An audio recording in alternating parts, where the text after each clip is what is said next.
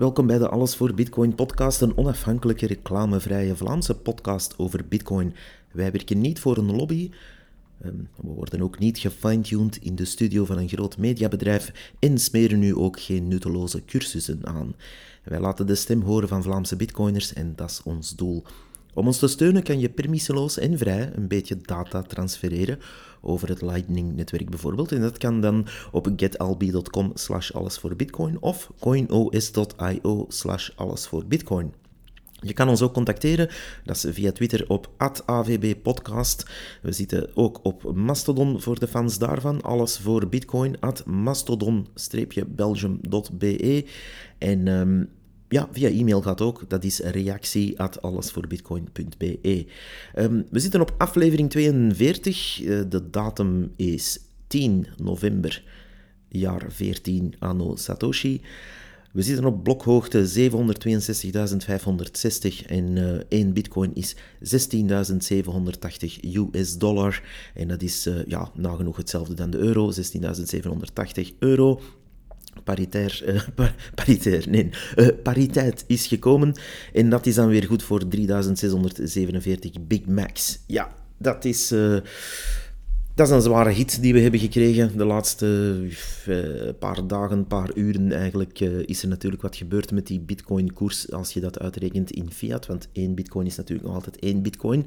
Maar verder hebben we wel natuurlijk een stevige prijsdaling gezien, om het zacht uit te drukken. Wat een absolute vernieling trouwens. Um, op zeer korte termijn zijn er een aantal domino-steentjes beginnen vallen bij de exchanges. Dat gebeurt wel eens om de paar uh, ja, weken tegenwoordig. Maar normaal gezien is dat iets dat uh, ja, is om de paar jaar in een uitzonderlijke omstandigheid gebeurt. Wat gebeurt er dan? Dat is wanneer dat er een exchange, een groot bedrijf dat eigenlijk crypto in het algemeen omruilt voor fiat in, in de andere richting, ehm, die gaan dan neer. dat kan allerlei redenen hebben. Een hack, een technische fout, uh, shenanigans in de boekhouding enzovoort en zo verder. Net zoals grote andere bedrijven ook wel eens neer kunnen gaan. Uh, Enron, WorldCom bijvoorbeeld, uh, zijn op die manier in de echte non-crypto-wereld ook neergegaan door allerlei gedoe aan de top.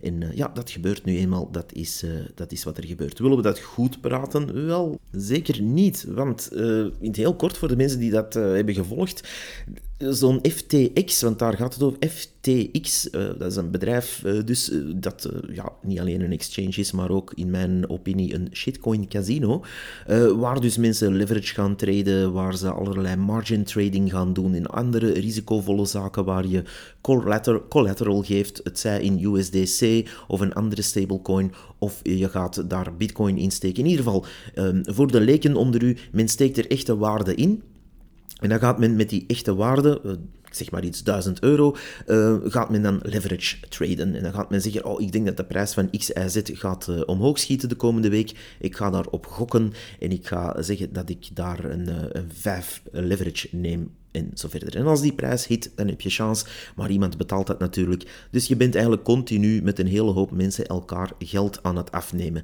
En de ene neemt 1000 euro van de andere af en de andere maakt daar 10.000 van.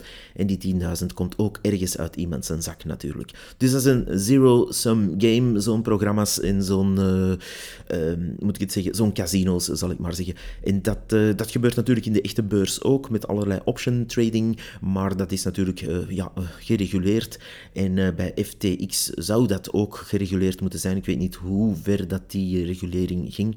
Maar wat is er gebeurd? Zo een van die groten, FTX in dit geval, is neergegaan en dat is dus het bedrijf van een zekere Sam Bankman-Fried. Uh, ja, is Fried, inderdaad, maar die grap is al uh, meermaals gemaakt. En die heeft uh, ook een token gelanceerd, het FTT-token.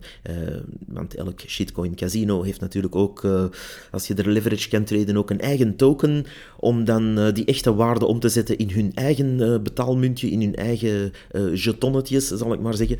En dat, dat kan dan intern gebruikt worden om makkelijk te traden en makkelijk waarde bij te houden. Beetje zoals Europa is aan het doen met de euro nu. Je krijgt dan een shitcoin token in de plaats dat uw echte waarde vervangt. En dan mag je binnen hun eigen shitcoin casino verder gaan. En waarom shitcoin casino? Ik heb het nu al een paar keer gezegd, dat woord.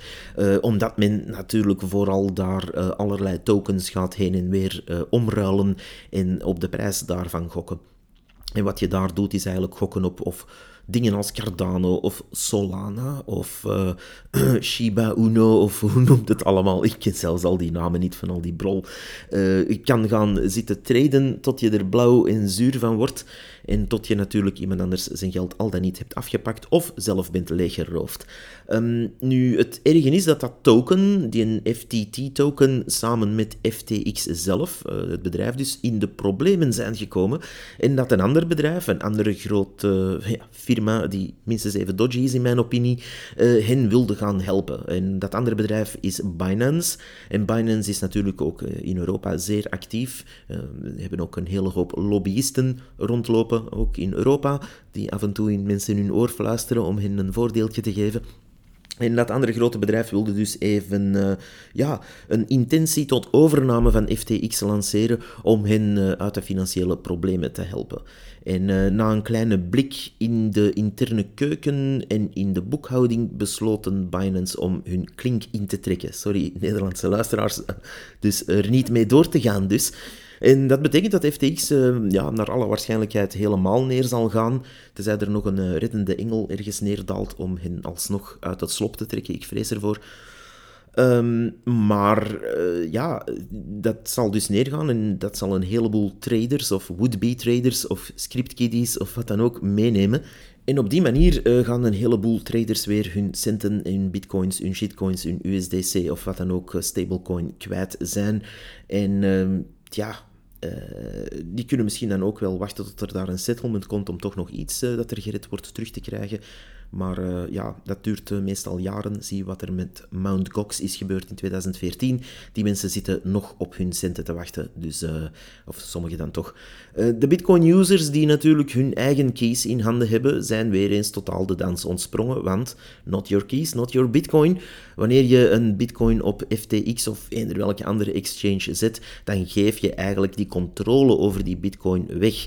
Je bent eigenlijk die bitcoin aan het transfereren naar een andere wallet, naar een um, UTXO-pair, naar ja, echt een ander bitcoin-adres, waar iemand anders, in dit geval een exchange, de keys van heeft. En dan kan je wel zeggen, ja, maar ik heb daar een account op en uh, ik kan daarmee traden en noem maar op. Ja, inderdaad, zolang dat bedrijf online is en u toelaat uh, dat is heel belangrijk, in u toelaat om die bitcoin te gaan manipuleren of te gaan verkopen of wat, er dan ook mee, wat je er dan ook mee wil doen. Zolang ze dat toelaten is alles natuurlijk fijn en in orde. Tot ze verdwijnen, tot hun website zegt sorry, no can do. Of withdrawals are currently not possible. En dan, uh, ja, dan kan je niet meer die bitcoin er terug afhalen. Of je euro's of wat dan ook. Dat is zoals een bank die uh, opeens zou zeggen: hey, uh, we zijn er niet meer. Al, kan je met fiat natuurlijk er dan nog redelijk op rekenen dat de staat waar die bank officieel gevestigd is, u toch nog zal compenseren, moest er toch een bankje failliet gaan. Maar ja, bij crypto is dat niet. En als je dus uh, voor, zeg maar iets, 10.000 euro aan Ethereum daar hebt staan, dan hebt u dikke pech en dan kan u daar niet aan. Of als u daar voor 10.000 euro aan Bitcoin hebt staan, dan hebt u ook pech, maar dan kan u daar niet aan. You get the picture. Um, ja, uh, dat heeft natuurlijk zijn gevolgen op de prijs gehad. De fiatprijs uh, van Bitcoin heeft een hit gekregen samen met een heleboel andere zaken die ook een, een stevige knauw hebben gekregen. Um, de jongste dagen zien we bijvoorbeeld uh, dingen als uh, Cardano en Solana vooral uh, naar min 65% gaan, enkel al de laatste paar, ja, de laatste twee dagen. Um, dus dat zijn stevige verliezen. Bitcoin zelf staat nu voor de laatste week op min 17%. Um, ehm, Ethereum momenteel min 22%. Dus ja, er is wel wat carnage bezig in die markt nu. Uh, ja, bitcoiners die er al langer in zitten, zijn dat uh, vrij gewoon. Dus uh, voor ons is dat gewoon another day. Maar ja, het is toch wel opvallend. En zeker als je dan ziet naar wat de mainstream media daar alweer van maakt. Want u kent het riedeltje alles wordt altijd herleid tot ja, de bedrijven die failliet gaan, is gelijk aan bitcoin voor hen. En dat klopt natuurlijk niet. Het is niet omdat er een bedrijf als FTX nu 6 miljard dollar in de schuld staat. Hoe je dat bij elkaar krijgt met een simpele exchange is mij een raadsel. Maar goed, men doet het toch maar. Dus die mensen worden nu ook onderzocht door allerlei instanties met drie letters. En terecht ook, uh, als je zo'n bedrijf hebt en je eh, brokkent zoveel schade aan zoveel mensen, ja, je bent een middelman. En dat, dat is nu net iets dat mij een beetje frustreert en dat ik toch even wil uitleggen aan de mensen die uh, misschien nieuw zijn in bitcoin en die wat willen begrijpen over alles wat er hier aan het gebeuren is. Heel simpel. Je hebt eigenlijk een markt waar je een permissieloze um, coin hebt, namelijk bitcoin, die gebaseerd is op echt werk, proof of work. En daar heb je in principe geen middelman voor nodig. Je kan gewoon met andere participanten van, die, uh, van dat netwerk ja, een interactie doen. En daar heb je zo'n bedrijf, zo'n exchange, in principe niet voor nodig. Maakt dat het soms makkelijker? Ja, uiteraard. Maar het verhoogt het risico. Net zoals dat je um, je auto zou kunnen verkopen rechtstreeks aan je buurman en onderling een akkoordje sluiten en dan is het oké. Maar uh, ja, je kan ook via een, uh, een, tussenoplossing gaan, een of andere website die dat voor u gaat doen. En uh, ja, dan neem je weer extra risico's en dan gaat er ook natuurlijk weer afgeroomd worden. Nu, ja, ik ken niks van autoverkoop, dus misschien, misschien is het geen perfecte vergelijking, maar je kan wel even zeggen van, kijk, eigenlijk hebben wij geen middelman nodig. En die FTX is natuurlijk een hele grote middelman die daar nu tussenuit is aan het vallen, met alle gevolgen van dien. Nu, de volgende en dat is een kleine voorspelling die ik toch eens durf maken. Um, de volgende die zo eraan gaat hangen is volgens mij Coinbase. Um, dat is natuurlijk uh, ja, koffiedik kijken, want ik, uh, ik heb hier geen glazen bol. Ik zie dat niet in de toekomst gebeuren, letterlijk. Maar wanneer je ziet wat die doen, slechte customer support, slechte app, een aantal zeer rare deals dat die maken, um, in bepaalde markten moeten ze het ook wel stevig afleggen tegen Binance dan zie ik daar stilletjes aan toch wel problemen opduiken. In die zin dat zij um, beursgenoteerd zijn en stevig afhangen van hoeveel mensen daar uh, en hoeveel instituten vooral er daarop willen gokken om daar aandelen van te hebben en te houden. Dus uh, hun verliezen stapelen zich ook op en ik denk dat Binance de volgende, oh, de, de, Coinbase de volgende is. Binance zie ik nog niet meteen weggaan, misschien op iets langere termijn wel, maar eigenlijk al die middelmen moeten er vroeg of laat wel eens uh, aan geloven, denk ik. Omdat ze ja, zich meestal inladen, uh, inlaten met uh, vrij rare dingen, zoals het sponsoren van bepaalde sportclubs en um, ja, zelfs stadia laten hernoemen en zo verder. Dus dat zijn ja, zaken als Crypto.com bijvoorbeeld, die dat ook doen, die dan een stadion in een, sportstadium overnemen ergens in de US en dat dan renamen. Dus ja, dat is allemaal natuurlijk bedoeld om die, de gewone man die er eigenlijk niets van kent, er uh, te laten inluizen en een account te laten openen bij zo'n FTX of een crypto.com om te gaan leverage traden op dat, uh, op dat spul. Blijf daarvan weg, zou ik zeggen. Het is elkaar vliegen, afpakken en daar, uh, ja, daar komt eigenlijk niks van. Wat je beter kan doen, is effectief investeren in die circulaire economie van Bitcoin, waar je um, ja, eigenlijk erop rekent dat elke halving, elke vier jaar er toch die cyclus gebeurt. By the way, um, als je naar die circulaire grafiek gaat kijken van de prijs van Bitcoin tegenover de halving, dan zie je dat rond diezelfde periode telkens opnieuw uh, de bodem bereikt wordt rond deze periode. We zitten deze keer uh, tegenover de drie vorige halvings een beetje uh, voor op schema, dus we staan een, een tweetal maanden voor. Uh, met die bodem bereikt uh, te hebben, zo gezegd. Maar ja, dat is de voorlopige bodem, wie zal zeggen waar hem echt ligt. Dus uh, dat geef ik toch mee. Dat is natuurlijk geen scherpe analyse of een voorspelling, maar het is wel zo dat die, ja, die halving telkens eenzelfde soort van systeem heeft, eenzelfde soort van cadans heeft. En telkens ook gaan er rond die periode dan wel exchanges neer. Wat ik wel nog wil meegeven als uh, opvallend iets, en timing is zoiets dat ik uh, graag in doog hou, um, want sommige timings zijn niet altijd zo'n toeval dan dat ze lijken, is het niet, dat is maar een vraag die ik stel aan de community, is het niet zeer toevallig dat uh, net nu die bodem bereikt wordt door exchanges die neergaan. Samen met ja, in dezelfde maand de ECB, die hun uh, MICA-ruling erdoor jaagt via de Europese instanties. En dat, uh, ja, die, uh, die bull market volgens datzelfde ja, circulaire herhalende cadentie eigenlijk ook rond diezelfde periode moet inkikken. Met andere woorden, wanneer de MICA-rulings rond begin 2023 gaan effectief worden qua wet, dan opeens uh, gaat die uh, bull market terug gaan starten als alles verloopt zoals de drie vorige halvings natuurlijk. En voorlopig uh, ziet dat er wel zo uit. Um, de usual suspects die zijn ook weer terug. Ehm, ik heb ze zo beginnen noemen, want dat zijn natuurlijk dezelfde mensen die altijd roepen van eh, alles van crypto is uh, tranen, tulpen en gevaar. een, een, Geert Noels bijvoorbeeld, en dat is dan nog niet de ergste eruit, maar uh, die tweette vandaag het volgende, en ik quote, de cryptocurrency zeepbel is weer verder aan het leeglopen. Jammer dat vele media meewerkten aan het opblazen ervan en de schade die het brokkent bij jongeren. End quote. Tja, um, ten eerste gooit hij hier heel bewust zelf, want hij is zelf deel van die media, uh, crypto mm, samen met uh, bitcoin. Dus dat is alleen fout die ze zeer, zeer, zeer bewust maken. En ten tweede, ja, het opblazen daarvan. uh, nee, eigenlijk niet. Onze media zit meer crypto af te breken dan wat anders. Geert Noels is daar ook weer een mooi voorbeeld van, net als Paul Doren en zoveel anderen. Dus uh, je, ja, krijgt gewoon geen pro-bitcoiners te zien.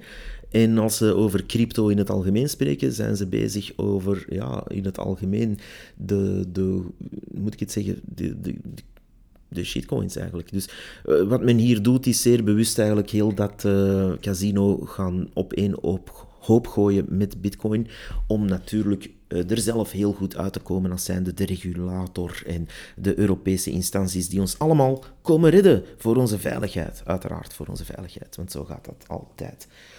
Um, iemand uh, quote mij en uh, dat uh, quote het volgende, en dat, daar sta ik helemaal achter. Enkel leugens kunnen Bitcoin tijdelijk stoppen, maar de waarheid kan fiat definitief kapot maken. En als u daar eens goed over nadenkt, is dat helemaal waar.